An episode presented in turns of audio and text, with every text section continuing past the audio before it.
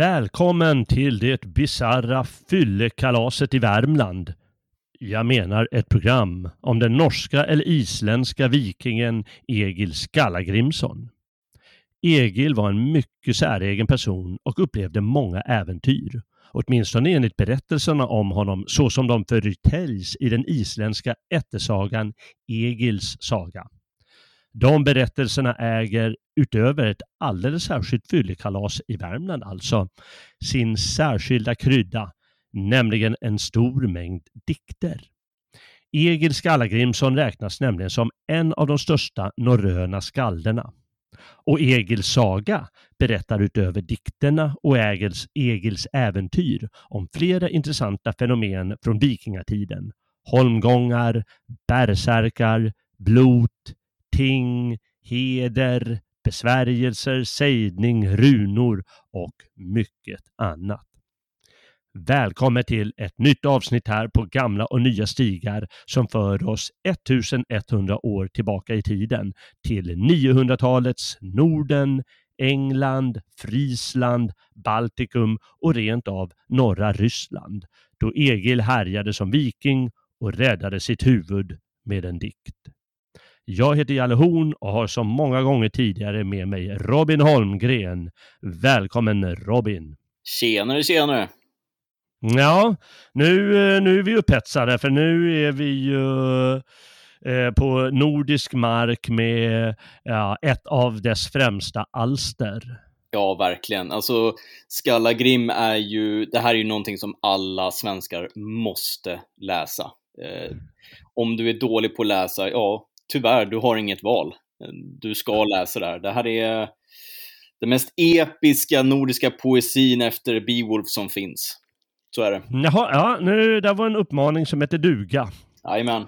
Så nu antingen eh, bara stänga av och lyssna, eh, låtsas som att ni inte har hört någonting eller lyssna färdigt och ta åt er det här av Robins ord. Precis. Är antingen eller. Ja, antingen eller.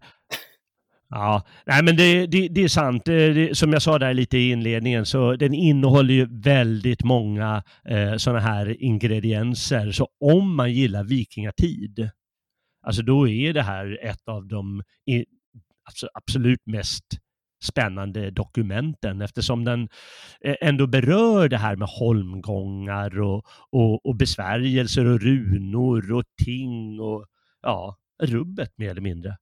Ja, det, det känns som att man har, man har tagit 900-talet och bara helt utan några konstiga liksom, åsikter och tankar och bara skrivit ner vad som har hänt under Egils tid eh, och eh, placerat i en härlig bok eh, som man kan gotta ner sig i. Ehm, det finns ingen propaganda eller någonting konstigt som i Heimskringla till exempel, utan det är bara vackert, brutalt, eh, fantastiskt, sorgligt. Det är, det är Odysseen på svenska. Från ja, just det. ja, men det kan man säga. Eh, den, eh, du, du säger med det här med att den bara öppet skildrar, och det kommer vi komma in i, att eh, den den isländska eh, sagastilen är ju, man ska inte säga knastertorr, för det är den absolut inte, men den brukar kallas objektiv. Att den inte håller på och, och petar i människors känslor så mycket och redogör för dem, utan det får man läsa ut själv. Men de märks ju när någon blir, blir någon, någon är rasande.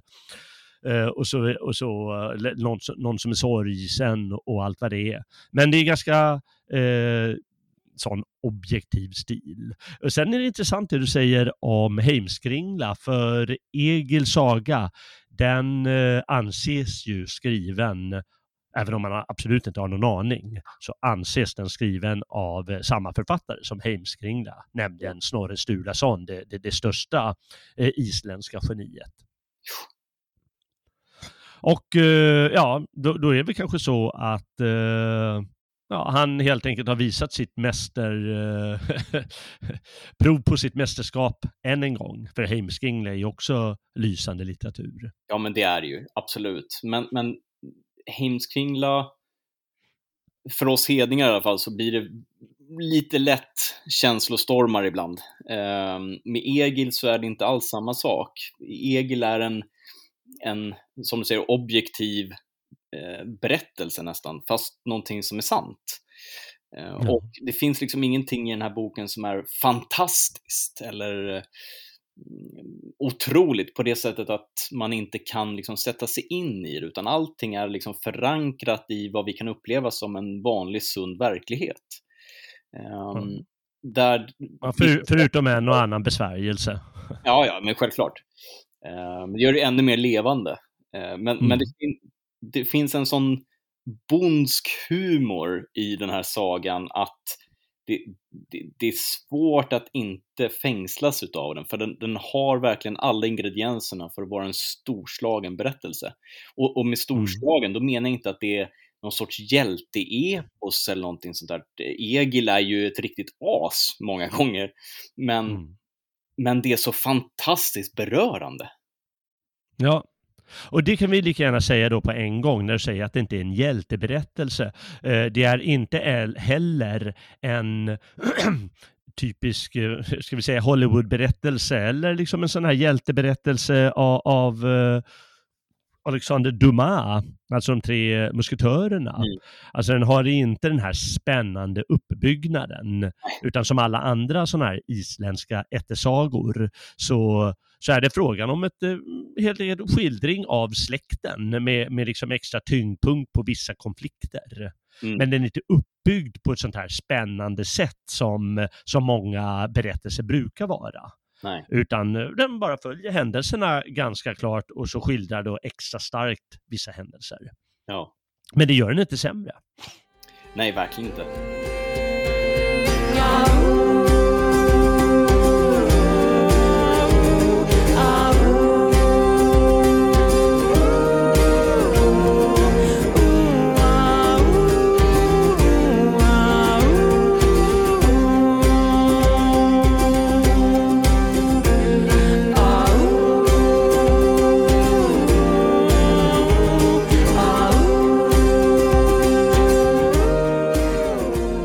Det är väl lika bra att köra igång och bara redogöra lite för eh, de eh, händelser som eh, försiggår i boken. För man kan inte prata om en handling om en bok som redogör för en människas liv.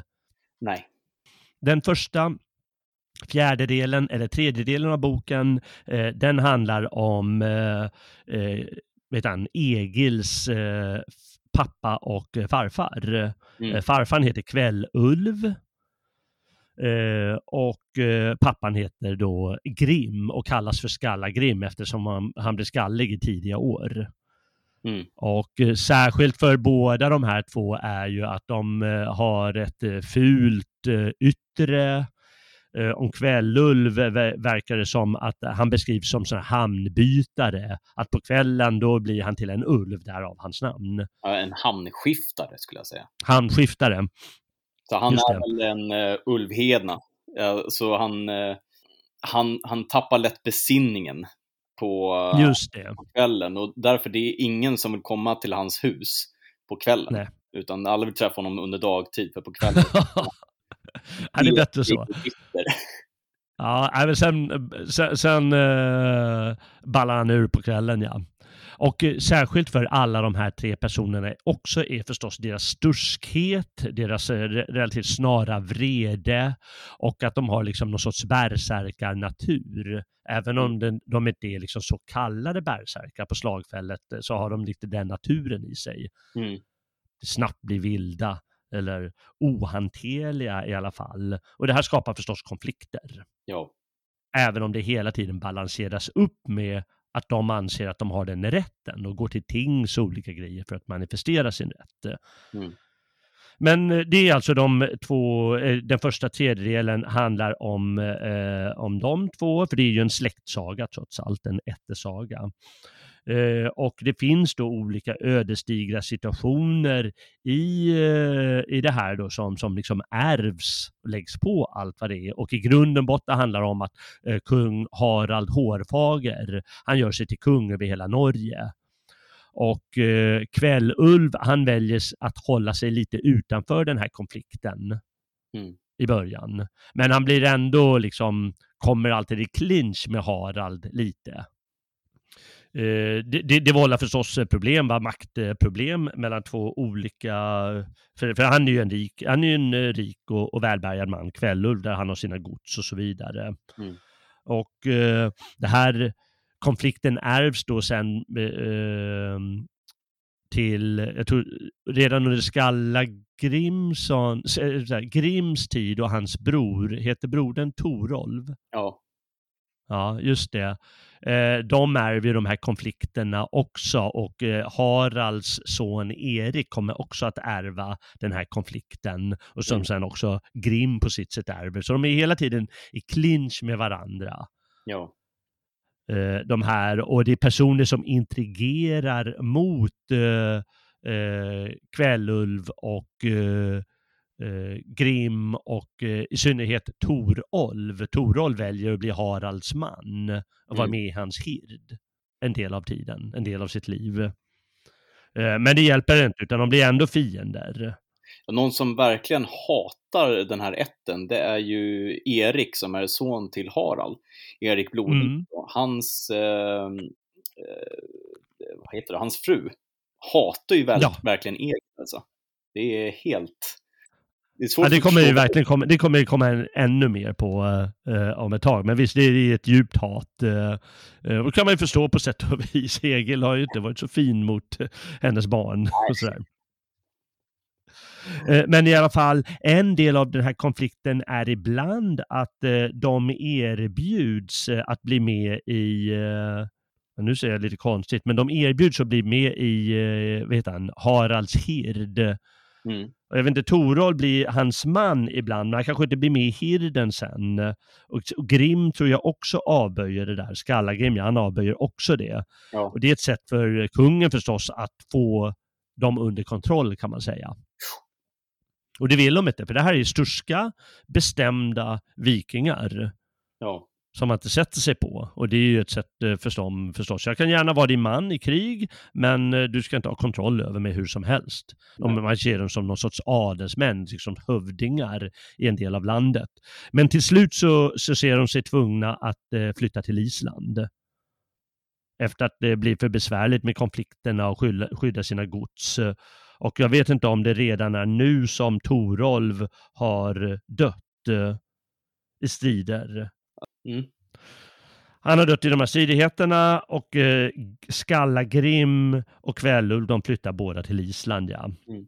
Eh, då har de ju kvar lite så mark och, och gods och, och, så på, i Norge.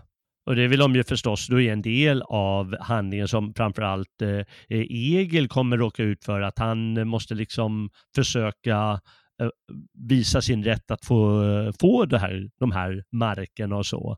Och som du säger, Erik eh, blodyx när Harald Wern dör och han tar över kungadömet eh, i Norge. Eh, då är han ju en bitter fiende till framförallt Egil och inte minst är Eriks hustru Gunhild som du sa. Mm. Hon är en ännu bittrare fiende till Egil. Oh ja. Och det, liksom, det, det, blir ju större och större. Vid ett tillfälle så dödar ju eh, Egil eh, en fosterson och eh, deras son, alltså ja. Erik och Gunhilds son. Ja, i alla fall. Men nu, nu, nu kommer vi in på Egil själv här eh, efter en tredjedel eh, när han syns. Han beskrivs som mycket ful. Eh, det, sagan är ganska noga med det och beskriva vissa som vackra och vissa som fula. Och det är väl liksom att de visar att det är helt olika naturer här, inte bara utseendet. Eh. Det där är fantastiskt, för det är, det är sällan som de beskrivs som så ful. Om vi läser till exempel Njals saga så framkommer det ofta att någon som är duktig beskrivs ofta som mm. vacker och ståtlig. Ja, just det. Mm. Eh, men men någon som är så ändå framgångsrik som Egil beskrivs ändå som så här otroligt ful. Um, jag tycker det, det, är lite lustigt för att framgångsrika män brukar beskrivas som vackra. Mm. Framförallt om man avser då en Jarl saga. Ja. Ehm, det är spännande. Ja, det är spännande. Eh, men eh, liksom sin far och farfar så beskrivs han som, som ful, ja extra ful. Och vi kommer beskriva lite när han är, när han är vuxen, har jag ett ställe, jag kan inte se sidan just nu, för jag har det på olika papper så, så, så, beskrivs hans yttre och det är liksom lite jättestor skalle. Liksom. De, de försöker ju säga att han har någon sorts sjukdom. Det är vanligt bland forskare eh, i vår tid att de ska försöka lista ut varför han eller hon beskrivs på det där och det där sättet. Eh, mm. Alexander Stora ska liksom haft en, en, sjukdom för att han tittar snett upp till eh, eh vänster eller till höger. Mm. Det är förstås att han har gudakontakt som hans statyer målas så, men då försöker han, men han har liksom någon konstig sjukdom. så forskare, och det försöker de göra med, skall, eh, med, med Egil också, att han skulle liksom haft någon sjukdom som gjort att huvudet var förstorat eller något sånt där. Mm. Ja, det kan man ju göra om man, om man vill slösa tid på sånt kan man göra det om man vill. Verkligen. Ja, men han är ju väldigt speciell, eh, Egil. Redan vid tre års tid, eller när han är tre, då, ska han, då vill han följa med på Gille som de ska på. Ja. Och eh, hans eh, storebror typ. Eh. Och då säger pappan att nej, men du får inte följa med för du blir så odräglig. Eh, du blir så full och odräglig vid sådana här tillfällen. en treårig lite kratte och slår ihjäl folk. Ja. ja det är bra. Ja, det är ju väldigt, jaha, okej, man förstår ju att det här är överdrivet. Det är ju ingen treåring som, eh, som gör så, men... Får jag, de läsa förstås... Får jag läsa det här stycket?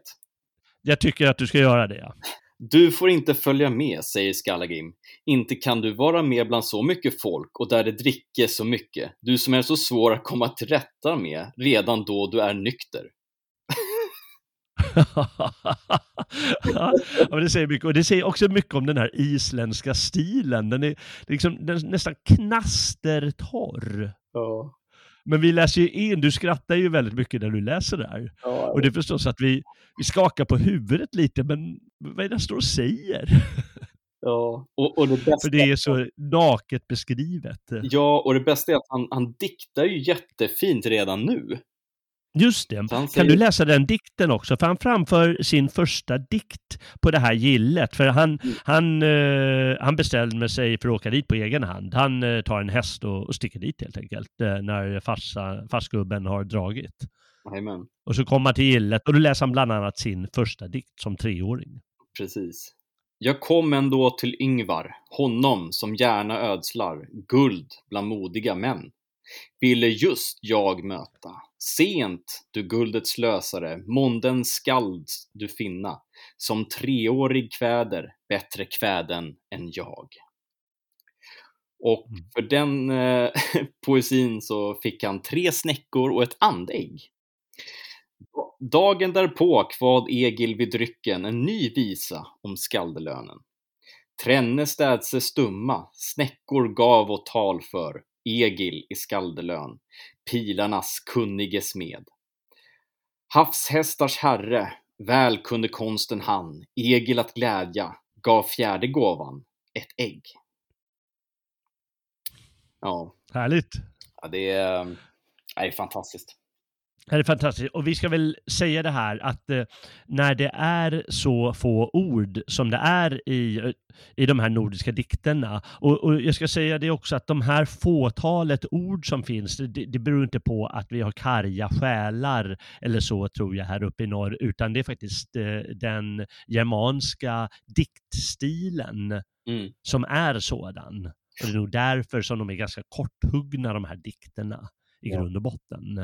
Eh, så är det givetvis för en modern människa eh, är det bättre att läsa dem. Ja. För man kan behöva läsa dem ett par gånger. Jag tror att mycket har att göra med att vi, eh, eh framförallt under den här tiden, vi använder så få ord som möjligt för att beskriva någonting. Eh, mm. Så man, man får upp en, en större förståelse om man förstår att det, det, det ryms mycket mer i, i ett ord i en sån här dikt. Ja, det gör det förstås. Eh, och den, den, har sin speciella stil som har funnits i flera hundra år givetvis. Eh, och den skiljer sig väldigt mycket från eh, till exempel den, eh, den grekiska eller latinska eh, diktkonsten. Oh. Eller för den delen det som fanns liksom längre upp i Europa under medeltiden. Mm. Eh, helt enkelt för att ja, det är helt olika grundkoncept när det gäller, att, eh, eh, när det gäller poesi. Mm. Eh, men, eh, men den tidens människor var ju också vana vid att bara höra saker, aldrig läsa någonting. Ja. Men i och med att vi är så präglade av att läsa så är inte vi så uppmärksamma som de var på den tiden. Nej. Förstås. Så läs, eh, även om du, jaha men det där var ju inget speciellt säger man kanske när man hör det. Men eh, om man läser det ett par gånger, ja men då får man en annan känsla. Ja, verkligen. Mm. Hur som helst, han, han växer vidare, han, eh, även om han är särskilt gammal, han är bara 7-8 år eller något sånt. Eh, eh, han, dö, han är bångstyrig, han dödar en annan pojke i en lek rent av när han är sju. Mm. Och så måste de lösa det med, du vet, eh, eh bli tvist och så måste de lösa det föräldrar och så med olika böter och vad de har. Eh, men han vill med i Viking i alla fall. Eh, men Torolv, hans storebror, han vill inte ha med honom på grund av Egils vilda humör. Mm. Och då blir alltså förbannad Egil och bevisar just uh, varför han inte borde följa med genom att hugga av tamparna till skeppen på natten så att de uh, kraschar lite längre bort i viken, skeppen, och så kan ingen åka iväg. Nej. Vilken jävla snorunge va? Ja, han, vill, han vet vad han vill. Han vet vad han vill och det blir som han vill också. Så de får ju bygga nya skepp då, eller eh, snickra ihop de här gamla skeppen när de får, ta, eh, får det och vänta ett halvår med att åka iväg och då får Egil vackert följa med. Uh, och då åker de uh, mot Norge där Erik Blodyx nu är kung alltså, för kung Harald har dött. Eh, och då har jag ett intressant ställe och det är det här Disablotet. Eh, det pratade vi om häromdagen. Mm. Eh, det hålls Disablot för kung Erik. Han, han kommer nämligen till samma ö där Egil och de andra har kommit och är hemma hos en gubbe som heter Bard. Mm. Och då hånar Egil Bard i den här dikten. Och då är det liksom fascinerande, jag vet inte hur långt det är, om det är värt att läsa, men eh, Bard han vill förgifta Egil. Eh, och Egil, han känner att det är någonting på gång. Eh, så istället för att bara eh, dra, dra i hornet med öl så ristar han runor på hornet och droppar blod på, på, på dem, runorna alltså.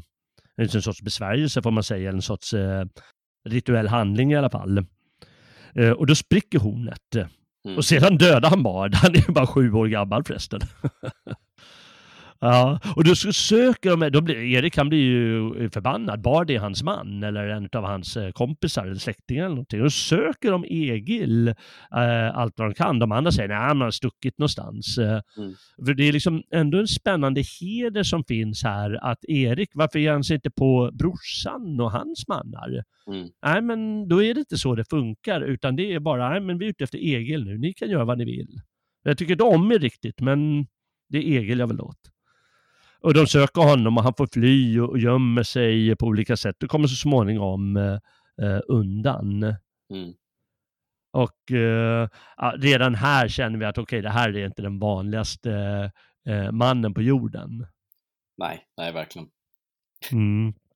Och redan här märker man att Gunhild har en särskild hon får det här särskilda hatet mot Erik för hon har någonting med den här Bard att göra. Jag vet inte om de är släkt eller älskar eller någonting kanske. Mm.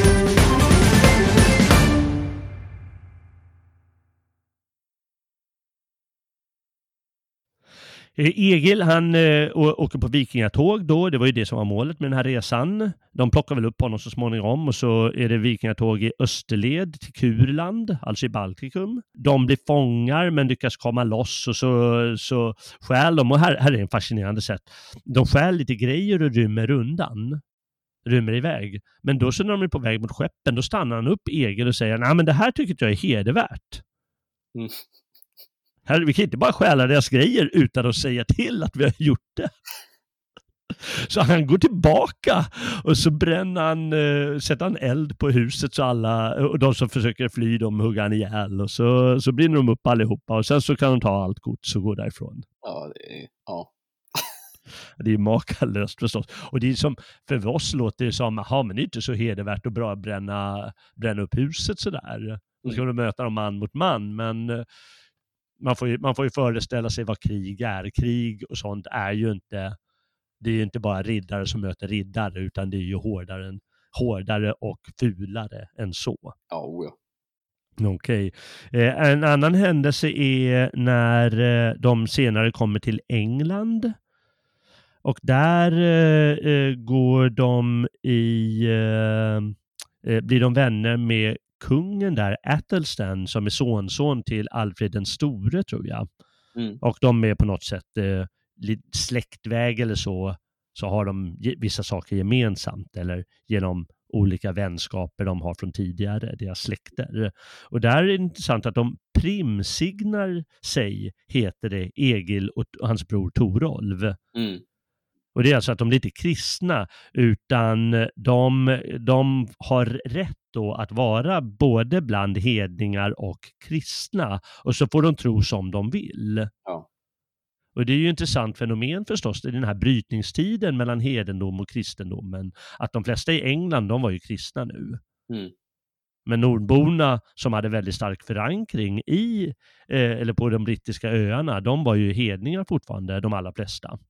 Ja. Och då liksom måste man ju lösa det genom eh, olika sådana här seder.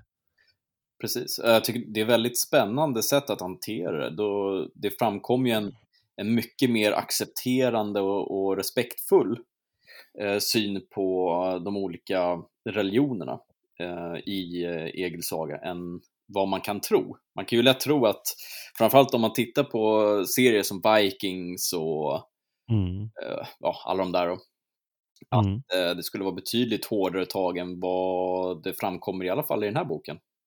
Nej, precis. Och antagligen är det så att eh, släktbanden och eh, vänskapsöverenskommelser är mycket starkare. Mm. Än, för det är de gamla sederna. Det är liksom det, det som vi har verkligen gemensamt än vad religionen då har blivit än. Ja. Kan man tänka sig.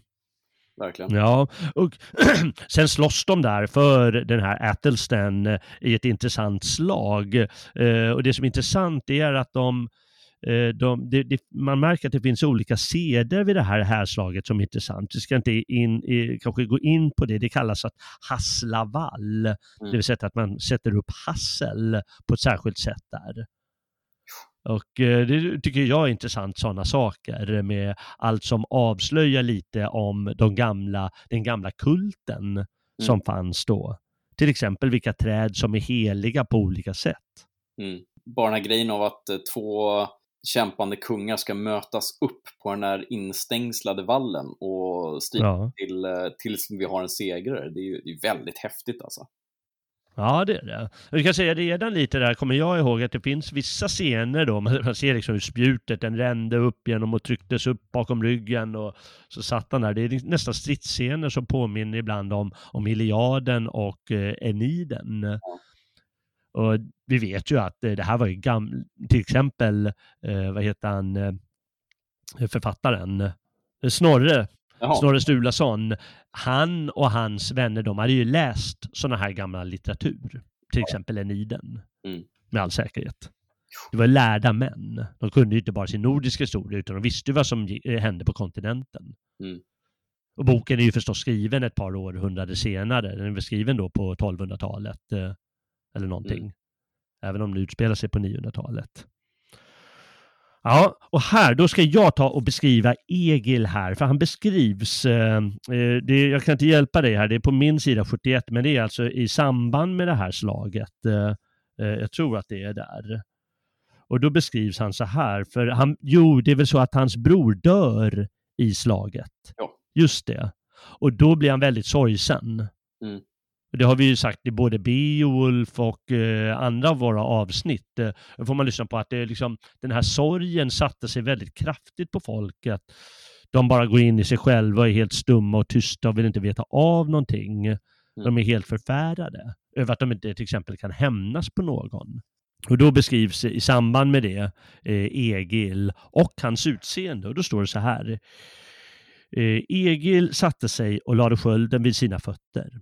Han hade en hjälm på huvudet och lade svärdet i sitt knä och om och om igen drog han ut det till hälften för att därefter skjuta det tillbaka i skidan. Och hör vi hans, hans sätt att visa sin sorg. Han satt rak men hängde med huvudet. Egil hade ett stort huvud med bred panna, stora ögonbryn, ingen lång näsa, men den var mycket bred.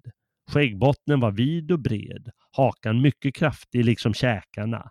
Han hade en kraftig hals och var så bredaxlad att det växte, väckte uppseende när han gick bland andra män. Han var hård och grym när han blev arg. Han var välväxt och längre än alla andra. Han hade ulvgrått, tjockt hår och blev tidigt skallig. Och när han satt så som tidigare har beskrivits sänkte han ena ögonbrynet mot kinden och sköt det andra upp mot hårfästet. Det påminner om Göran Persson. Han gjorde alltid så, Göran Persson, med sina ögonbryn. Såg ut som ett biffo då. Ja. Egil hade svarta ögon och svarta ögonbryn. Han ville inte dricka fastän man bar fram till honom och han sköt ögonbrynen ömsom ner, ömsom upp. Det är inte långt beskrivet, men i alla fall man får en, en, en syn och de som antagligen hörde det på den tiden, de såg framför sig, framför sig en som inte var vacker. Nej, verkligen. Nej.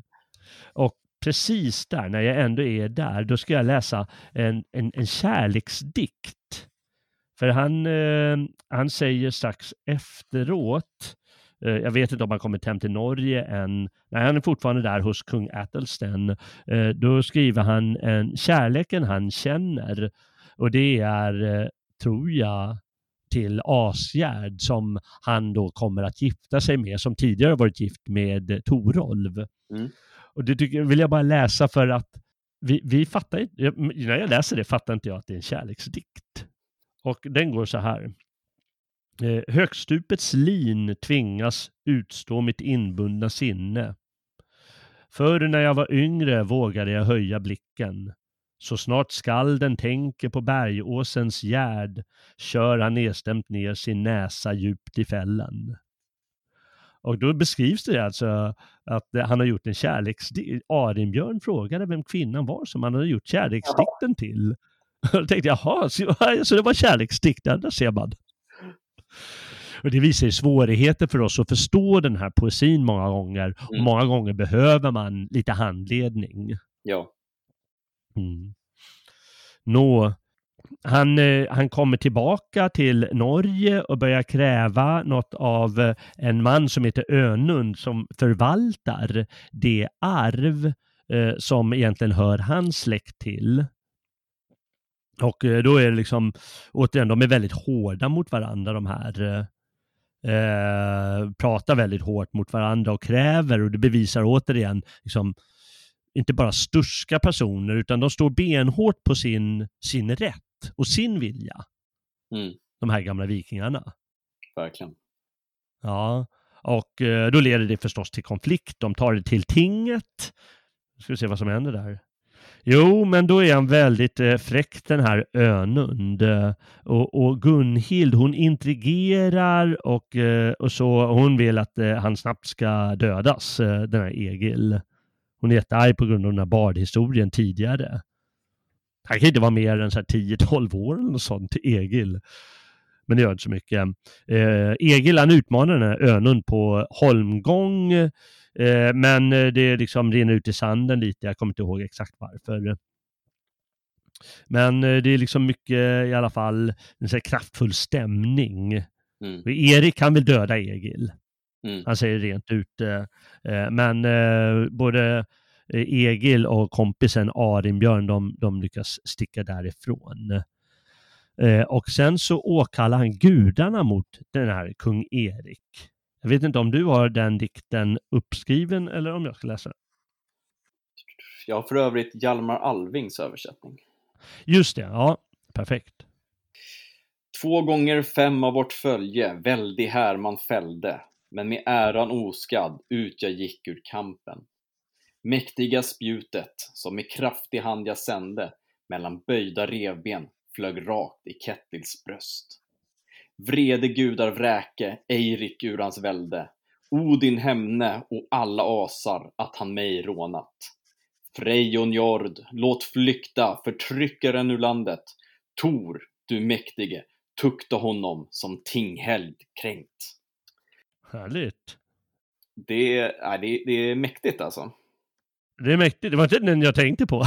men Nej, det var ännu häftigare. Jag läste den, men eh, jag, jag lägger upp den i alla fall. Ja, precis. Nej, det var härligt. Jag tänkte på följande, för eh, då är det tydligen, har jag skrivit här, att han, eh, han diktar en sorts besvärjelsevisa mot kung Erik. Mm. Och den låter så här. Må gudarna driva kungen ut ur landet. De ska gälda honom för stölden av godset. Må orden och gudarna harmas. Må Frej och Njord driva bort folkets fiende och Tor vredes på skändaren. Lite kort och, och kraftfull där. Men... Det, det låter ju som samma. Bara att en annan... Ja, men, ja, men min är helt kort här så... Jag orkar inte slå upp i, i den andra. Jag har, jag har båda översättningar. Jag har alltså en ny översättning som kom på, jag tror det var 90-talet, eh, av eh, Carl G Johannesson, tror jag att det är. Mm. Och den är nytryckt i en annan eh, bok jag har här. Det kan vi tala om sen. Vilka det är.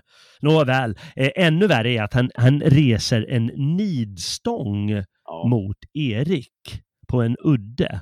Återigen av Hassel där han, äh, den ska stå där som en, äh, som en äh, liksom nid symbol mot Erik. För han är, han är, de, är, de är rasande på varandra de här. Och det är liksom, det är fascinerande för det är välgjort på det sättet att det byggs upp mot en kulmen som vi kommer komma fram till snart. Mm.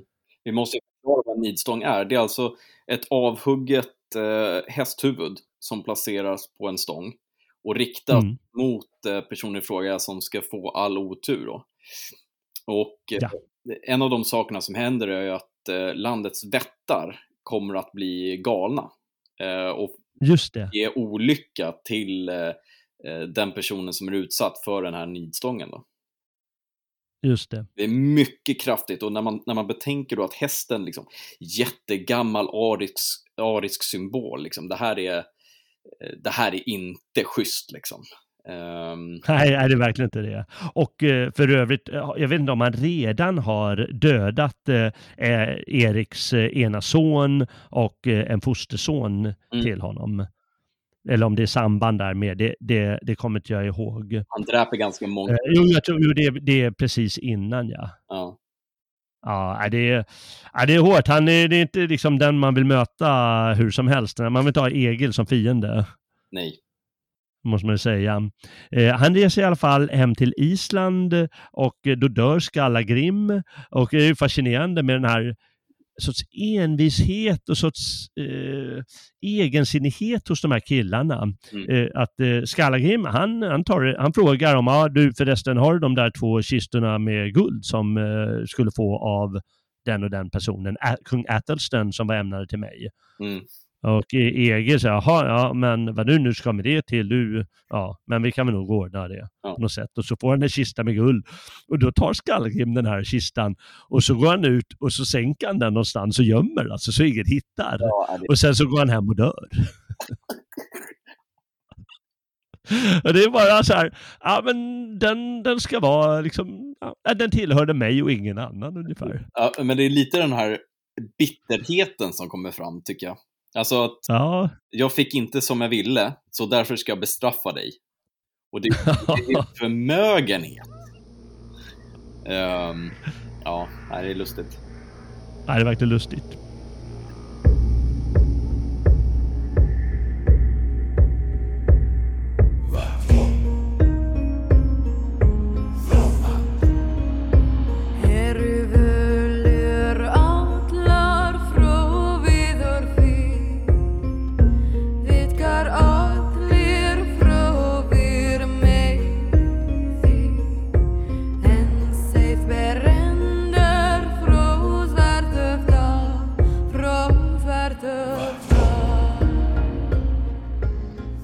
Alla fall. Eh, han är där på Island, eh, men eh, Erik, han har, alltså kung Erik Blodyx, han har nu blivit, han var tvungen att dra till England för hans bror Håkon, han har återvänt till Norge och han har gjort sig starkare och då såg Erik ingen annan möjlighet än att dra ur landet. Mm. Eller behöva kriga med honom som han förstod skulle förlora. Eh, och därför har han dragit till England och där sitter Gunhild och sejdar eh, för att göra Egils själ orolig så att han råkar fara vilse och hamna i England. Och mycket riktigt blir han, känner han sig lite orolig till sinnet och sådär och eh, vet inte riktigt vad han ska göra. Så han säger, ja men jag vill ut i Viking eller jag vill fara iväg i alla fall. Så han åker iväg med skepp och hamnar snart i just England. Mm. Och eh, då vet han ju jag tror inte han vet först att eh, kung Erik befinner sig där, men när han snabbt får reda på det så inser han att eh, ah, men det är lågt att försöka fly undan och så vidare. Utan han går rakt in eh, i, i, jag tror det är Jorvik, alltså York. Mm. Och säger att eh, han går till Arinbjörn och säger ja, jag är här bara så du vet det. Jag tycker det är skamligt att försöka undkomma någon. Erik får göra vad han vill. Nu ser vi vad som händer. Och eh, då har ju byggts upp hela det här hatet mellan dem och så kommer det i någon sorts kulmen här. Eh, och då, är det, då, då förs han eh, till Erik eh, Arinbjörn, eh, alltså Egils kompis. Han försöker säga ja han är här men han har varit ärlig och alltihop och vi vet ju att de här oförrätterna, båda har ju rätt på sitt sätt så jag eh, önskar att du är mild i din dom, kung Erik. Men Erik han, han, vill, han vill döda. Och då säger de något intressant eh, och Gunhild, hon hetsar på ännu mer. Hon säger att ja, men halshugg honom på en gång. Men då säger Arinbjörn att nattligt dråp är mord. Mord. Och det har jag aldrig hört talas om en sån grej. Det är ju också en intressant så här, del av kulten. Mm. Man, man dödar inte någon på natten. Nej. Utan får vänta till dagen. Eller avrättar i alla fall nu måste jag komma in här. Eh, det är väldigt mycket sånt, liksom allmänt i, i sagorna, att mm. när man ska dräpa någon så gör man det när det är dagsljus. Inte, ja, det. Det, det är först i Heimskringla som det här med att bränna folk inne verkligen kommer fram. Eh, mm. Eh, för att det, det sågs ju verkligen omanligt att attackera någon om de inte var beredda. Fast de här morden är ju egentligen bara uppgörelser. Eh, där mm. båda får dra blankt helt enkelt. Eh, ja, just det. Så att eh, det, det är en väldigt spännande form av heder där. Ja, det är en väldigt spännande form av heder. Vad jag menar med när jag sa att jag inte läst tidigare var att det lät så här klart att det står, ja men nattligt dråp är mord, förklarar han och då inser Erik, ja nej men det är sant, ja jag kan inte avrätta honom nu, det vi väntar till imorgon. Och då ska de vänta till imorgon. Och eh, då säger Arinbjörn att du får göra som eh, eh, min släkting Bragi som fick eh, behålla huvudet av Sveakungen där han eh, låg pyrt till efter att ha diktat en drapa till kungen. Och en drapa är alltså en eh, hyllningsdikt till en hövding. Mm. Och eh, då ska han göra det och så kommer han in så här efter några timmar eh, när, när natten har lidit fram till fyra tiden eller sånt kanske och säger ja men hur går det med diktandet? Äh, det går åt peppan. Va? Det är en svala som sitter där uppe och som kvittrat hela tiden så jag har inte kunnat få fram en rad. Och då så schasar Arinbjörn iväg den och sätter sig på, eh, på vakt så att säga, eller vad man ska säga mot en svala. Men då är det alltså Gunhild med sin trollkonst som har försökt med flit störa honom och det är ett, förstås ett sagoinslag som de har, de kryddar de här gamla historierna med. Mm. legender och sagor. Och därefter drar, eh, eh, lyckas han dikta sin dikt. Och den kallas just för Huvudlösen. Eftersom han får sitt huvud i lösen. Han skulle ju halshuggas. Och den är väldigt speciell den dikten. I din översättning, för jag, jag tar nästan hellre den. Vet du vilken sida den står på? Ah, strunt samma, jag läser den här. Jag har den här i den uh, nya översättningen. Det som är intressant med den är att den rimmar. Mm. Och uh, det här var ju nyheter uh, för nordiska dikter, de rimmade inte. Nej. Alltså slutrim fanns inte, de hade ju rim i början av orden som de använder. Men här rimmar han eh, Egil och eh, då handlar om att göra en fin hyllningsdikt till kung Erik och du kan läsa lite grann ur den. Så här börjar det. Mot väst jag for och med ombord var Vidrids mjöd, och Vidrid är ett namn på orden, som gav mig stöd. Jag drog mitt skepp ur isens grepp, mitt fartygsskrov var fyllt av lov. Och Vidrigs mjöd är förresten diktkonsten. Mm. På Englands jord jag ger mitt ord för drotten Huld, för all min skuld. Min lovdikt brann om tystnad han mot männens rad, för kvädet bad. Nu kung, betänk den stora skänk som följer av din tystnads krav. De flesta vet att harmen bet, att Vidrir såg var liken låg. Och nu börjar han beskriva då hur bra han är i krig, eh, kung Erik. Och huggen föll, men skölden föll. I stridens larm stod härskaren varm, där klingor slog och betten tog, gavs orden vikt i stridsvinds dikt. För spjutens stål fanns många mål, vid sköldars led den fursten stred. En strand låg röd av blod och död när vågor slog i stridens skog. I spjutelds brand föll folk på strand. Hans namn blev känt av vad som hänt. Ja, och så fortsätter han eh, eh beskriva kungens eh, stridsförmåga. Och så avslutar han dikten med ett par strofer här. Hör vid ditt hov, hörs nu mitt lov. Nej, förlåt mig. Här vid ditt hov hörs nu mitt lov. Salen har tystnat, fursten har lyssnat. Ordens tankebölja jag nu låtit skölja. Vägd på sinnets våg, min dikt om din håg. Jag framfört mitt lov i tystnad så dov. Vid stridsmännens bord jag vägt mina ord. Ur upprömt bröst jag höjt min röst och prisat hans mod så att alla förstod.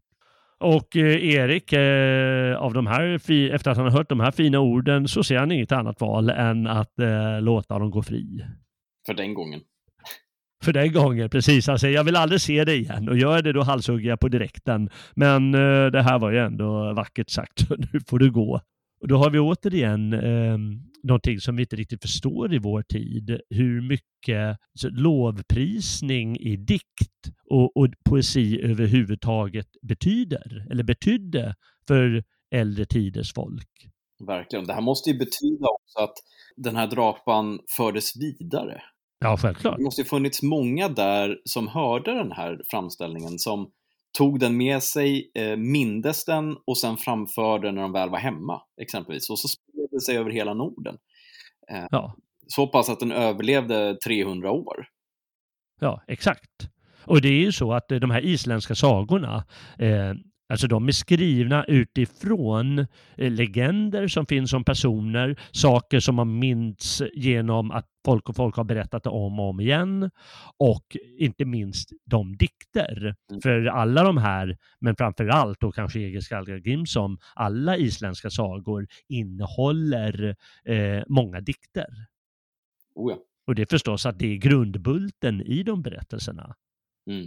Och, men det är fascinerande, det är som du säger, att folk, ja, de, de skrivs inte utan omnämns gång på gång i flera hundra år tills dess de har skrivits ner, dikterna. Och kanske har ändrats lite här och var. Det är inte någonting som hålls ordagrant eh, i 300 år. Nej. Över generationer så. Men i, i, i stora drag i alla fall, tills någon väl skriver ner det. Ja. Och det är häftigt och det betyder också att orden är magiska. verkligen. De har sin kraft. Och då betyder, betyder det mycket för Erik och inte minst för Egil vid det där tillfället. Ja, Trots, trots att han har dödat liksom son till Erik och gjort den här nidstången. Det är ju ohyggliga handlingar. jag gör ju ganska mycket sådana där hemskheter faktiskt. Ja, just, ja, Mot Blodyx 1. Mm. ja, verkligen. Nåväl, vi måste ju komma fram till spykalaset, så nu måste vi gå vidare. Ja, kör. Eh, han, åker, han åker till Norge, eh, där alltså den nya kungen heter Håkon, eh, eh härskar. Och eh, där eh, är han storsint när han hör att en, jag vet inte om det är en släkting till Arinbjörn eller något sånt, deras familj blir trakasserad av en bärsärk, en, stor, en, en hårdhänt man som heter Ljot, en svensk sägs det förresten. För att han ville gifta sig med, med den här Gydas dotter, eh, som absolut inte ville ha den här ve- vedervärdiga bärsärken. Den här vedervärdiga svensken. Eh, och eh, då utmanar den här Ljot eh, eh, hennes son eh, Fridgeir på holmgång. Och då säger Egil att han tar pojkens plats. Och då är det intressant att det står lite om holmgångslagarna i och med det. Och det tycker jag är också så, så intressant med just Egils saga, att det står ganska mycket sånt beskrivet på sina håll. Jajamän. Jag, jag står redo här att läsa upp. Ja, få höra. Svärdet Ragvandil hade han bundit om sin högra handled. Det var nämligen holmgångsmäns sed att inte behöva dra svärdet under holmgången, utan hellre låta det hänga vid handleden, så att man genast kunde tillgripa det när man ville. Atle var rustad på samma sätt som Egil. Han var van vid holmgångar, stark och mycket oförvägen. En stor och gammal tjur leddes fram. Den kallades blotdjuret och skulle slaktas av den som vunnit seger. Stundom var det ett enda djur. Stundom lät då båda holmgångsmännen leda fram varsitt. När båda vore färdiga sprungo de mot varandra. Först kastade sina spjut, men inte deras spjutet fastnade i den andres sköld, utan båda blev sittande i marken. Därpå grepo de båda till svärden, gingo varandra in på livet och skiftade hugg. Atle vek inte. Det högg tätt och hårt och sköldarna blev fort obrukbara. När Atles sköld var nästan sönderhuggen kastade han den, fattade svärdet med båda händerna och lät huggen falla tätt. Egil gav honom ett hugg i axeln, men svärdet bet inte. Han högg ännu en gång och ännu en. Det var honom lätt att få hugg på Atle, då denne var utan sköld. Egil svingade sitt svärd med all makt, men det bet inte, var han än högg till. Nu förstår Egil hur det var fatt och att detta inte skulle gå väl, ty hans sköld började bli obrukbar. Han kastade från sig svärdet och skölden, sprang Atle in på livet och grep honom med händerna. Nu märktes skillnaden i kroppskrafter. Atle föll baklänges och Egil kastade sig över honom och bet av strupen på honom. Så miste Atle livet. Egil sprang snabbt upp och dit där blotdjuret stod, grep på det med ena handen om mulen, med den andra i ena hornet och kastade omkull det, så att benen stod rakt upp och halsbenet bröts. Därpå gick han bort till sina följesmän. Han kvad. Blå dragvandel drog jag, men svärdsäggen dövad av Bergonunds broder bet ej på hans sköld. Då av större styrkan drog jag nytta och satte tänderna i den talföre. Satte tänderna i den talföre. Bra! Han var ju kaxig den där Atli. ja. Alltså bara grejen att bita ihjäl någon, alltså det är så ja, det är Mike Tyson. Kommer du inte ihåg när han högg tag i örat? ja, fantastiskt. Och så bara vrida nacken tjur, liksom, alltså vem... ja, Ja. Och de här dikterna som kryddade hela där till det tycker jag också är häftigt. Ehm, det. Nej, det. Ja, det är häftigt. Och jag ska förtydliga här att eh, eh, du tog faktiskt upp holmgången som står ett par sidor efter. Mm. För först så är, har han en holmgång med- den här, som jag sa, heter Ljot, eh, Mm. där han räddar den här pojken. Och sen åker han vidare eh, där han utmanar nästa gubbe på holmgång, Ja, just det. bara några sidor efter. Mm. Men det står lite om holmgångslagar, tror, tror jag, i båda sammanhangen. Jajamän. Ja. Och eh, den här var lite mer välbeskriven som du sa. Den var väldigt bra. Eh, väldigt häftigt. Eh, och det är kul, de går ju till ett ting nu när, eh, inför den här holmgången som du beskrev här. Och eh, ja, då är det där det ska utspelas så att eh, folk kan se att allt går rätt till och så vidare.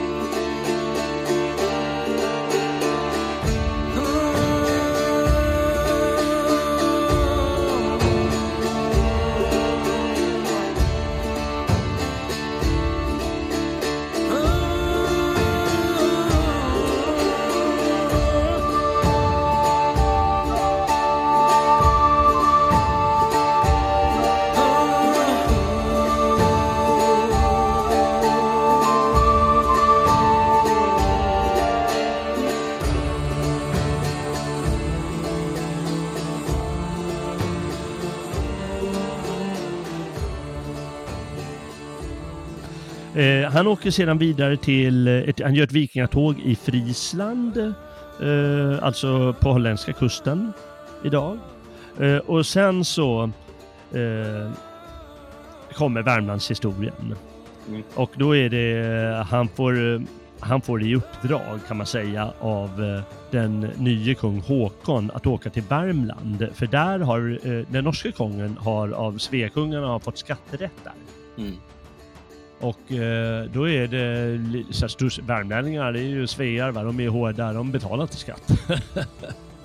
så säger han att ja, men du får, ni får åka dit och, och se till och eh, fråga vad det är som händer.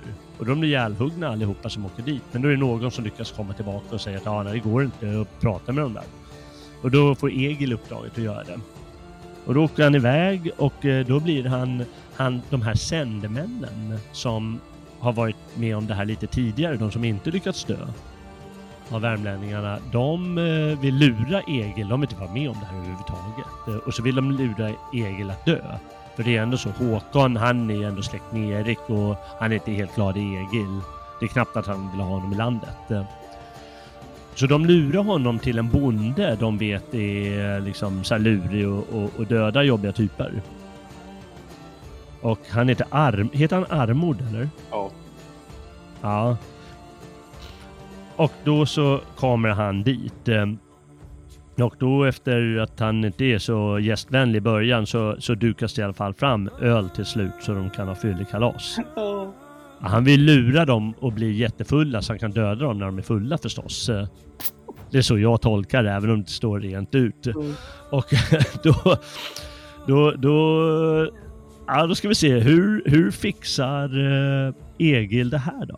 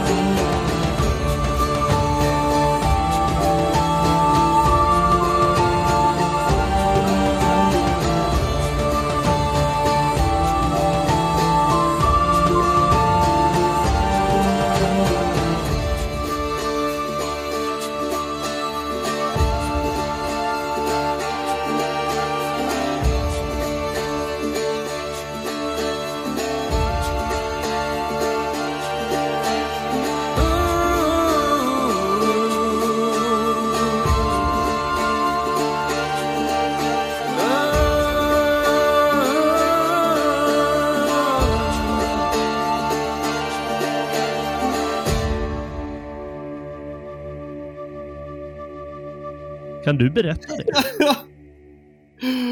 Så, förlåt, alltså det här är förmodligen det bästa som någonsin har skrivits. ja, inte det vackraste kanske, men det är liksom väldigt säreget. Um, så fort gick det tills borden tog oss bort. Då började allesammans bli mycket druckna och för var ton som Armod tömde sade han Jag dricker dig till, Egil. Det betyder då att eh, alla måste dricka när man dricker någonting. Eh, mm. Huskarlarna druck och Egils män till och använde samma uttryck. En av männen hade i uppdrag att ständigt bära fulla horn till Egil och hans män och uppmanade dem ivrigt att tömma dem fort. Egil sa då åt sina män att nu skulle de inte dricka mer och drack själv, det som det inte på annat sätt kunde komma ifrån. Men då märkte han att detta skulle inte gå bra i längden. Han steg upp och gick tvärs över golvet, dit där Armod satt, tog honom i båda händerna i axlarna, klämde honom upp mot högsätesstolparna och stötte upp en stor spya rakt i ansiktet på honom. I ögonen, näsan och munnen, så att det rann ner på bröstet. Armod var nära att tappa andan. När han förmådde andas igen sprutade han upp spyan. Alla Armods huskarlar som såg och på sa att Egil bar sig åt som den värsta usling då han inte gick ut när han ville spy utan stod och skämde ut sig inne i dryckesstugan. Det är väl ingenting att banna mig för, Segil. Jag gör ju bara som husbonden själv. Han spyr allt vad han orkar, han med. Därpå gick Egil och satte sig på sin plats igen och bad att få något att dricka. Han kvad med hög röst. Ville bara visa vad jag fått för mat, fast nog många finns som mer förnämligt tackar. Sen ses vi igen, men spyan i din skägg, Armod, var det vittne om den färd jag vågat.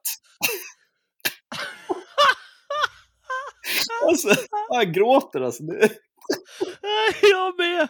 Jag gråter som en hund. Alltså, det är så rubbat. Ah, vilken, ah, vilken, jag vet inte om jag ska hålla med värmlänningarna och kalla dem en riktig usling, ja. Egil alltså. Jag ville bara visa dig vad jag hade fått till mat. Ja. Ja, herregud alltså. Nej, den är ju helt oförglömlig den där. den där. Jag funderade på ett tag om jag ska döpa avsnittet till Spyan i Värmland. Oh, herregud. Ja. ja. det, är så, det är så galet. Eh, och eh, så, som lök på laxen så eh, gör han upp med honom morgonen därpå, Egil. Mm. Då går han ju in i den här äh, Armods äh, rum och så säger att han borde egentligen döda honom. Mm. Men som en, som en neslig handling så skär han av honom skägget istället. Ja då visar det att han är lite mer av en yngling som inte har ett riktigt skägg. Ja. ja det är fantastiskt i alla fall.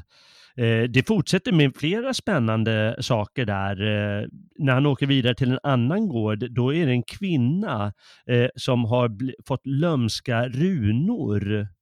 Mm. Jag vet inte hur hon har, de är liksom inristade på någonting hon har, om hon har det i sängen eller någonting. Och då räddar Egil eh, henne genom att eh, skära bort de här runorna och sen skriva goda runor. Ja, det är bondeson som bor i närheten som vill att hon ska bli förälskad i honom. Um, för han, ja, just det. han har ju sagt nej till bröllopet. Um, mm. Så då har han ristat runor och lagt det under hennes uh, kudde eller något sånt, eller i halmen. Uh, och då tar han bort det där, ristar bort det, eller skrapa bort det och kasta det i elden och så eh, ristar han någonting nytt och då blir hon vid sina sunda vätskor igen. Just det. Ja, det är häftigt eh, med de där. Det står ju om lönnrunor och det finns ju liksom många sorts runor och de här lönnrunor är väl liksom inte sådana som man kanske ser.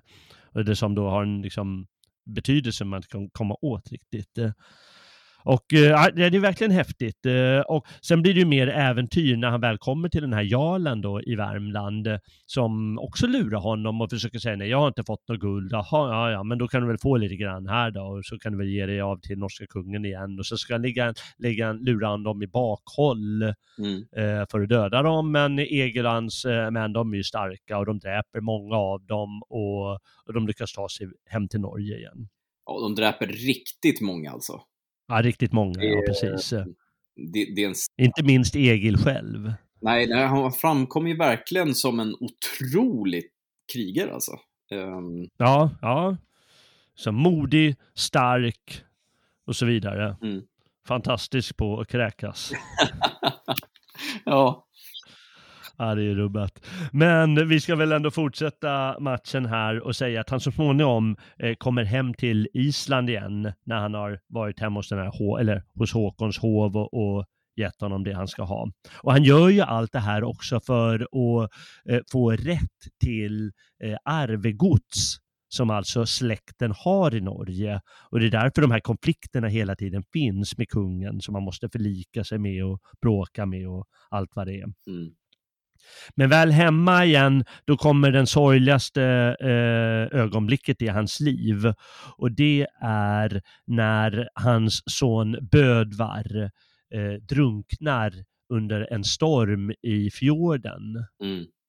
Och då är det en makalös scen. Eh, för Egil, han blir ju förstås helt utom sig. Mm. Ja, det är väl lika bra jag läser det. Han blir förtvivlad och vill inte ha med någon att göra. Han, han vill alltså svälta sig till döds. Mm. Han lägger sig i sitt rum och gör ingenting. Han ska svälta sig till döds. Och eh, då får jag läsa en sida här. Vi säger så här. Därefter red, red Egil hem till Borg och när han kom hem gick han genast till den skåpsäng där han brukade sova. Han lade sig och sköt för luckan och ingen vågade tala med honom. Det har berättats hur Egil var klädd när de begravde Bödvar. Han hade byxor som satt hårt spända mot benen. Han bar en röd bomullsrock som var trång upp till och hopsnörd på sidan. Man har berättat att han svällde så mycket att både rocken och byxorna sprack. Dagen efter öppnade Egil inte luckan till skåpsängen. Han varken åt eller drack. Han låg där hela dagen och natten därpå. Ingen vågade tala med honom. Men på den tredje morgonen, just när det ljusnade, satt Asgärd, eh, satte Asgärd, alltså hans hustru, en man till hets för att rida så snabbt som han kunde till Gärdarholt och berätta för eh, Torgärd vad som hade hänt. Det är alltså hans dotter, Torgärd. Han kom fram mitt på dagen. Han sa även till Torgärd att Asgärd hade sänt honom bud om att hon skulle komma till Borg så snart hon kunde. Torgärd lät genast sadla en häst och två män följde med henne. De red på kvällen och hela natten tills de kom till Borg. Tor, Torgärd gick genast in i eldhuset. Asgärd hälsade henne och frågade om de fått någon kvällsmat. Torgärd svarade med hög röst, förstås, så att eh, Ege ska höra. Eh, jag har inte ätit någon kvällsmat och jag ska ingen ha innan jag är hos Freja. Jag kan inte komma till något bättre beslut än min far. Efter min far och min bror vill jag inte leva. Hon gick fram till skåpsängen och ropade Öppna luckan far, jag vill att vi går samma väg. Egil öppnade luckan. Torgärd steg upp i sängen och drog för luckan. Hon lade sig på den andra sovplatsen som fanns där. Då sade Egil, du gör rätt min dotter när vi följa din far. Du har visat mig stor kärlek. Hur ska jag kunna leva med denna sorg? Sedan teg de en stund. Egil sade, vad gör du dotter, tuggar du på något? Hon sa, jag tuggar på tång eftersom jag tror att jag då mår sämre. Jag tror att jag annars lever för länge. Är det skadligt, sa Egil. Mycket skadligt, sa hon. Vill du ha? Varför inte, sa han. En stund senare ropade hon efter något att dricka och man gav henne vatten. Då sade Egil, så går det när man tuggar tång, man blir törstig. Vill du också dricka far, sa hon. Han tog emot och drack mycket och drycken var i ett djurhorn. Torgärd sade, nu har vi blivit lurade, det här är mjölk. Egil bet ett stycke av hornet så stort som tänderna nådde och kastade sedan bort hornet. Då sade Torgärd, vad ska vi nu göra? Vår plan är förstörd.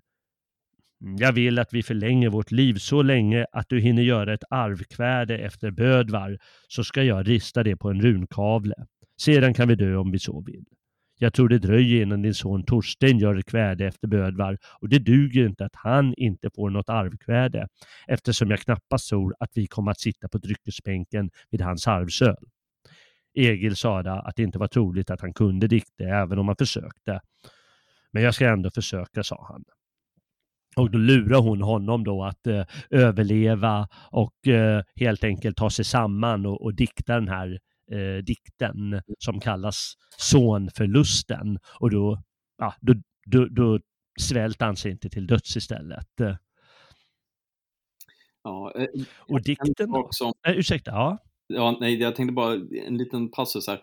Eh, det som är intressant här eh, är ju inte bara den här sagan i sig, utan det är också så att dottern erbjuder sig att rista eh, dikten på en, en eh, vad, vad hette den, runkavle. Runkavle. Ja, eh, och vad säger det då? Jo, jo, det säger att tydligen så var det ganska vanligt att man kunde rista runor. Eh, Mm. Och att om det var värdefullt så kunde man även rista ner det för att andra skulle ta del utav det. Ehm, det- det tycker jag är rätt fascinerande för det är ofta så att man får intrycket av att eh, våra förfäder inte alls kunde, alltså knappt rista runor, att det var bara magiska symboler och grejer. Men här framkommer Mm. precis motsatsen. Att Just det. Nej, men vadå? Det är såklart du kan lista runor och skriva vanligt. Så det, det är två separata saker där med runmagi och att, att skriva ner en dikt. Det, det är två helt olika saker, det är två olika syften. Ja, Och det kan vara bra att komma ihåg. det kan det. Eh, verkligen det som du säger. Eh, vi ska väl eh, ta och läsa lite, för det är hans mest berömda dikt. Eh, den som kallas Sonförlusten eller Sonnatorek på, på isländska. Och vi ska inte läsa hela här, men vi kan läsa lite ur den. Och den börjar så här då. Trögt det går att tungan röra, ej jag orkar orden väga. Lätt blir icke att ordens gåva djupt ur själens gömslen drava, draga. Och ordens gåva är då diktkonsten, eller dikten. Skaldegåvan i urtid stulen, hämtad av Odin ur Jotunheim, är ej lätt lyft ur tankens stad då tung sorgen trycker. Och så är det ett, någonting som saknas här. Ty min släkt är slutet nära, som träd i skog, den, de stormen härjat. Ej med muntert mod en man bär sin son bort ur huset. Först och månde min faders död och min moders död jag mäla. Prytt med ordens löv skall utgå deras mun, minne ur min mun. Um, ska jag hoppa här bara någon, eh, någon eh, rad fram här.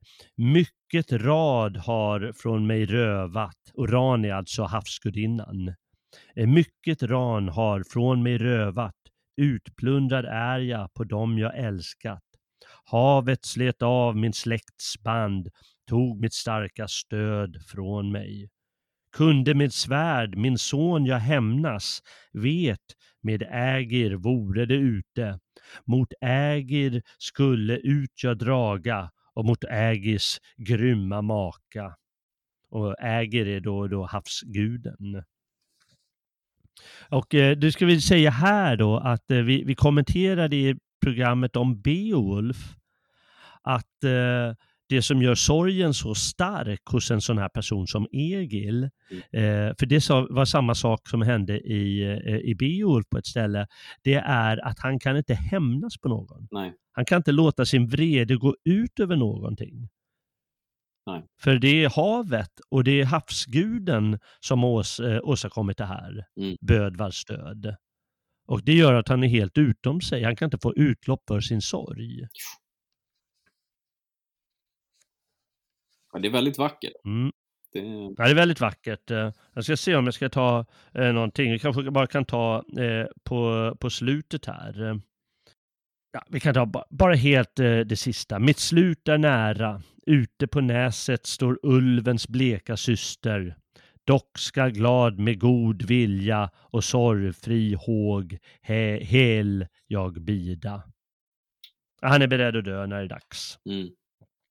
Men det gör han inte än, för han väljer ju att leva vidare eh, nu. Men det är väldigt vackert och den här sorgen är väldigt stark och eh, det är väldigt poetiskt skildrad och han, hans dikt där, ja den är väldigt känd och, och särskild. Och den här Torgärds list tycker jag är också som väldigt fascinerande. Mm.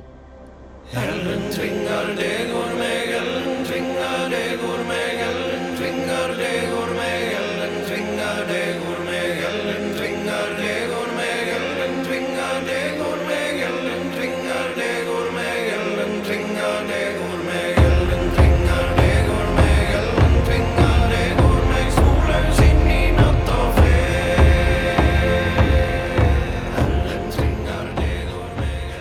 Eh, han hinner eh, med lite till eh, innan han dör.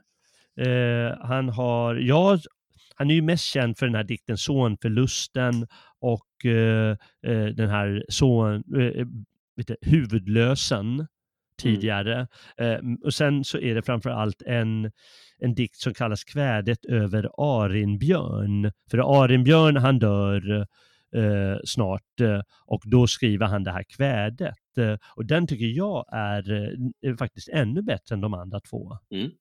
Ska vi läsa lite ur den? Ja, men gör det. Ska du eller jag läsa? Du får läsa. Eh, då går den så här i alla fall. Raskt jag kväder då drott jag rosar. Trögt går mitt lov om gnidig man. Fritt jag talar om furstebragder, tiger stilla vid svek och lögn. Löje har jag för lögnhalsar, talar väl om mina vänner. Kom till mången konungabonung med skaldsinne utan svek. En gång jag en ynglingaättlings väldig konungs vrede väckte. Jag satte järvhatt på mitt svarta hår och drog hän till hövdingen. Stor i makt i skräckens hjälm satt över landet folkstyraren. Hård i hugen härskade Eirik, styrde på Jorviks skumstänkta kust. Och sen så är det eh, det här med att Erik, eh, det här tillfället när han räddar sitt huvud. Och så säger han längre fram, där stod mig vid ena sidan en bättre man än många tillsammans. Min trogne vän, som tror jag kunde, hans ära växer med varje råd. Arenbjörn alena kunde, han var furstens vän, den främste i följet, rädda mig undan hans ovänskap. Alltid sanning, sin kung han sade. Usel vän jag väl må heta och dålig skall dess likes. Ovärdig lov och löftesbrytare om jag slik hjälp med otack gäldar. Och så hyllar han honom eh, vidare ett tag här. Och så de sista stroferna här. Men från Arinbjörn gick ingen tomhänt bort ur långa huset. Aldrig smädad smög sig någon undan eller oförrättad. Grym är han mot gods och gull, Draupnes söner ej fördrar han. Pengar endast plåga honom, mot röda ringar rasar han. Förvisso skada stor det varit, om i otacks hav han öst allt det goda mig han gav slösade på mig av många slag. Ty jag var ala uppe, min tunga satte orden samman. Min lov har rest ett kummel som länge skall obrutet stånda i Brages tun.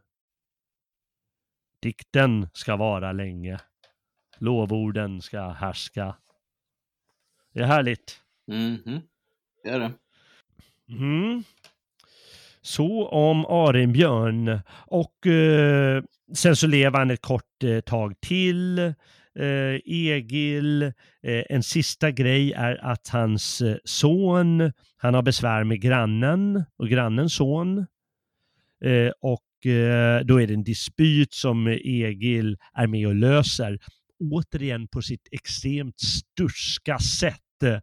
Eh, liksom de här pojkarna som har bråkat med varandra, eller sönerna. Mm. Eh, den andra sonens pappa, han, eh, han tänker att ja, men då får du eh, på tinget eh, låter jag dig bestämma hur det ska gå, för du är en eh, klok eh, kar. Och så löser han det på sin egen son, eller bästa viset för sin släkt och då blir han, blir han ja det här ska jag sent glömma, säger grannens eh, pappa då. Men vi låter det vara så. Och det är återigen, in i slutet är han stursk. Och precis som sin pappa så tar han ett par kistor med guld och går iväg med dem och, och låter dem gömmas för evigheten innan han själv kan gå hem och dö. Ja. Ja, ja, det är fint. ja det är det. Så, så är det. Och det står till och med att det står väldigt fascinerande på slutet om hans, eh, om hans kranium. Ja, just det. Ja. Att någon gräver upp det långt senare för att se, och de försöker slå ihjäl det, men liksom, det går inte att rubba. Så hård var hans skalle. Eller så hård var hans själ. Kanske det vill symbolisera. Mm. Ja, nej, det är ju speciellt det här. Min, Jag vet inte vad du tycker är speciellast i, i den här sagan. eh, jag skulle ändå säga poesin. Um, för att det, det är ju liksom karaktären Egil, egentligen hela hans ett är så väldigt udda. Liksom stora härmän, stora skalder, liksom mopsar upp sig mot kungar, kommer undan med det. Alltså det är um, ihärdigt och uh, otroligt vackert bara rakt igenom. Det, det, det är så svårbeskrivligt tycker jag. Ja, Det är ju ändå en ättesaga och inte, inte som Beowulf till exempel. Men eh, det, det kanske blir lite så att poesin kommer att ta en så stor plats i den här ättesagan. Att det är nästan den som får ligga till grund för, för allting. Det får liksom vara det här eh, sammetstäcket över annars ganska bråkiga personer. Ja det, det är väldigt spännande det du säger, att de är ju sturska och bråkiga och de är fula. Och som kontrast till det så har, de, så, så, så har vi den här eh, poesin då. Mm. eh, som liksom är liksom kraftfull och, och vacker eller sorgsen eller vad det är beroende på situationen som balanserar den här sturskheten och den här vildheten och den här liksom konfliktlystnaden nästan. Ja, men det blir lite av de här äh, krigarpoeterna liksom. Ända från, som, Mm. från Xenofon. Ja, det, det är häftigt. Jag tror att det är någonting som alla kan fastna för. Just de här, Ja. att de är så udda och ändå sådana fantastiska poeter. För det är ju inte bara Egil som är fantastisk i poesin, utan även Kvälulv. Eh, Efter Torolv till exempel, när han faller. Eh, Så att det är eh, makalöst fantastiskt. Ja. Eh, jag tycker ju att de, jag tycker att det är något speciellt med, med, med karaktärerna och hur författaren då väljer att beskriva eh, liksom dialogerna mellan dem. Den isländska sagan är ju väldigt eh, berömd för de här eh, li- lite ordkarga bestämda replikerna som de säger. Ja, Och det tycker jag, ja, det är väldigt häftigt. Ja det är det. Jag har, jag har inget eh, exempel, det var lite för långdraget. Jag kommer ihåg precis på slutet, kommer jag ihåg, var väldigt många ställen med sådana eh, ordväxlingar. Men just de här ordväxlingarna, de är, man, man ser ju ofta att det är kyligt eh, sagt och kyligt beskrivet, men man känner att under det här finns det hela tiden, eh, bubblar det väldigt mycket. Alltså, jag måste nästan ta något exempel här. Så att, eh, Jag är redo ja, säg det, ja, säg ett du. Det är så här typiskt eh, när Egil har plundrat ett skepp. Eh, då kväder han så här. Hård var kampen som stod utanför Jutlands kust. Väldigt slogs vikingen, han som värjde Danmark. Dock till sist med sina kämpar Eivind skreja ra- raskt sprang från bord för att nå en räddade strand. Efter detta, sade Torolv, tror jag inte att det är rådligt att vi far till Norge i höst. Egil svarade att det kunde ju fara till ett annat land. Det, det, det, det är den här torra humorn som bara Ja. boom, kommer fram ur texten liksom. Bara, nej, Just det. nej, jag antar att ni inte kan det. Ja, då får du ta ett annat land. Ja, det är ständigt den sortens repliker Ja. och det är ju det de är mest kända för, eh, islänningasagorna nästan. Det är ju eh, en det är svårt att beskriva, vi ska inte säga kontrast, men det ger liksom en särskild eh, stilkänsla i förhållande till liksom, kraften hos alla de här konflikterna som finns. Mm. Och det är många som har beskrivit det, hur, hur det, det, det är känt för den här objektiva berättelsestilen och replikerna som är, det, det är liksom understatement i kubik. Ja, Alltså de säger en sak, eh, så, vad ska jag säga, han var, han, han var allt lite neslig han. Om någon säger så, så betyder det egentligen att han var, han var en riktig usling av största mått.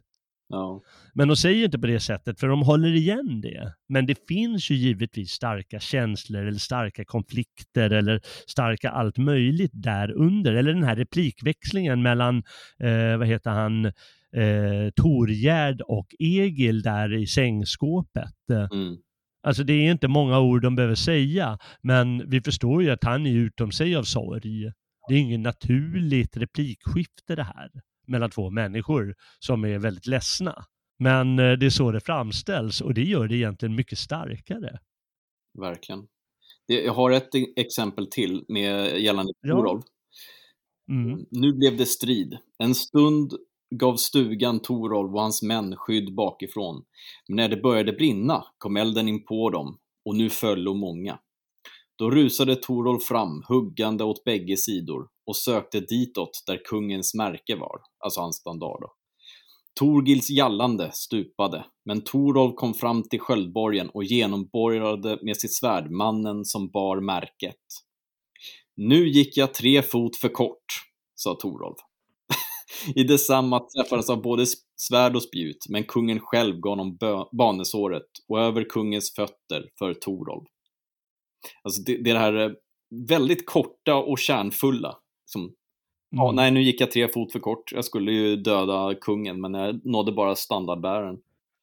Eller standardbäraren. Ja, verkligen.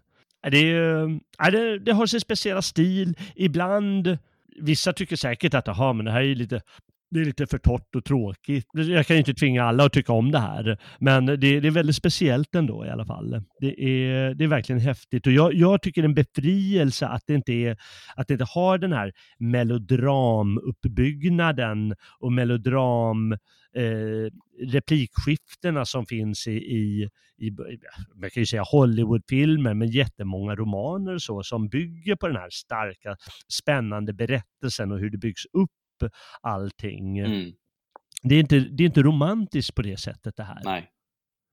Utan eh, det, det, är eh, torrt på ett annat sätt, men, men det, jag tycker ändå det kommer fram alla känslor och all humor som du säger. Och ja, det, det, det kommer ändå fram på, på, med, med sin helt egna stil. Och det är, ja, jag tycker det är häftigt. Oh ja. Det måste man säga. Ett stort eh, tack för alla isländska skalder som hade vett nog att sätta sig och skriva ner det här. Oh ja. ja. Vilken skatt det är alltså. Mm, ja, det är verkligen en skatt. Eh, Och om andra ingredienser i den kan ju vara den här liksom, är, hedersetiken som sorgligt nog är halvt bortblåst i Sverige känns det som ibland. Oh ja. Och det får ju vi möta på eh, fulaste sätt idag när det kommer främlingar till Sverige där den är väldigt stark. Jajamän. Och vi inte förstår oss på det för att eh, vi har glömt bort det. Men man ska inte glömma att den har varit exakt lika stark här i Norden, även om den tar sig lite andra uttryck. Vi kanske inte hade ihjäl eh, putta våra döttrar från balkongen. Inte riktigt kanske. Eh, Tvärtom var det faktiskt så att eh, många gånger så eh, tyckte man att ja, men jag ska fråga min dotter och höra vad hon vill säga om det här, om eh, hon kan tänka sig att gifta sig med dig. Ja. så i alla fall fanns det liksom en, en, en hederskultur och den märks ju framför allt när eh, två så här, lite sturska män möter varandra. Mm. Att då blir det betydelsefullt det som sägs. Och ibland så kan de uppnå förlikning på ett sätt vi tycker är helt konstigt. Och ibland så förstår vi dem och förstår vi varför det blir konflikt. Mm. Är vi klara nu? Eh, ja, det är väl inte så mycket mer att säga det. jo, vi kanske ska tillägga det att eh, de isländska sagorna finns utgivna några gånger i Sverige. Eh, vanligast hittar man dem i Hjalmar Alvings översättning, de gjorda på 30-talet.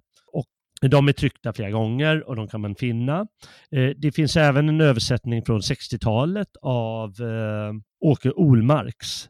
De har inte jag läst, men jag har läst Hjalmar Alvings. Eh, och sen så är det några som har översatts vid olika tillfällen de senaste 20-30 åren. Och nu för några år sedan, då utkom på något som heter Saga förlag, alla islänningasagorna, det vill säga ättesagorna. De utgav i nya översättningar. Eh, och de heter kort och gott Islänningasagorna. Men de går inte att beställa i Sverige. Mycket sorgligt och mycket knasigt. Mycket märkligt. Ja, det är en stor skandal. Man kan läsa om det, jag skriver kort om det i det nya numret av Nationalisten som kommer ut om ett par, tre veckor. Eh, Men man kan beställa dem från något som heter Saga förlag på Island. Det kostar drygt 2 500 och det är inte säkert att eh, böckerna kommer fram. Nej. Eh, Vi ska inte dra den historien här. De kom hem till mig, men de kom alltså inte hem till Robin än. Nej. Nej. Det var tull, tull och konstigheter inblandade. Men de ska väl komma så småningom. Eh, det kanske är bara tur eller otur. Men de går i alla fall att beställa från Saga förlag eh, för den som vill ha de här böckerna i nya översättningar. Ja. Men jag tycker att Hjalmar Alvings eh, översättningar fortfarande duger alldeles utmärkt. Det är, det är förstås gamla verbböjningar. Så jag är och vi äro. Jag var, vi voro. Jag sprang, vi sprungo och så vidare. Pluralböjningar är i en annan form. Men eh, det, det är ju ingen vuxen svensk som inte klarar av att läsa det tycker jag. Nej, och det, det, det finns ju eh, att beställa på ja, de större bokhanterings... Eh, vad heter det? Jag, bo, jag kallar det bokhandlare bara. Internetbokhandlare. Men, men de är ganska dyra faktiskt. Eh, så om ni går in på bokbörsen och handlar alltså, gamla böcker så kommer det vara betydligt billigare. Just det. Man kan handla de här, för det finns som sagt flera tryck av de här och det är ganska billigt att beställa på Bokbörsen som alltså är eh, online-antikvariat, eh, kan man kalla det för. Så gör gärna det om ni är intresserade av de isländska sagorna eller om ni vill ha en nyöversättning och ber till ett par extra gudar att ni verkligen får hem paketet så kan ni beställa dem från Saga förlag eh, på Island. Men eh, vi är väl färdiga för idag. Eh, eller hur Robin? Det är vi. Ja, jag får eh, tacka, tacka dig så mycket för, eh, för det här avsnittet också om, eh, om våra gamla förfäder. Ja, tack själv. Det var nog, eh, hur ska man säga, bara att få läsa upp eh, Egils spyande är ju en ny höjdpunkt i min poddkarriär faktiskt. Ja, ja, den är väl halvt oslagbar antar jag. Ja. Ja. Äh, vi hoppas i alla fall också att eh, du som har lyssnat eh, har funnit det eh, underhållande på alla tänkbara vis eh, och att, ja, återigen, att du känner dig stolt över att du är på något sätt släkting till de här gamla vikingarna som Egil, Arinbjörn och allt vad de heter. Och om du gillar vad du har hört eh, eller Svegots andra program så får du gärna stödja vår verksamhet genom en prenumeration på Radio Svegot. Då bidrar du till att göra vår fortsatta produktion möjlig och eh, att den får ännu mer variation och kvalitet. Det kan du läsa mer om på Svegots hemsida. Gå in på svegot.se och klicka teckna stödprenumeration. Eh, vad nästa avsnitt handlar om, det vet inte jag vid det här tillfället. Men jag hoppas att du vill återvända hit eh, på gamla och nya stigar och följa oss där. Kanske blir det med Robin Holmgren, kanske blir det med någon annan. Men det blir säkerligen med mig. Jag heter Jalle Horn och tackar för mig för den här gången. Jag hoppas vi ses här på stigarna framöver. Väl mött, frände.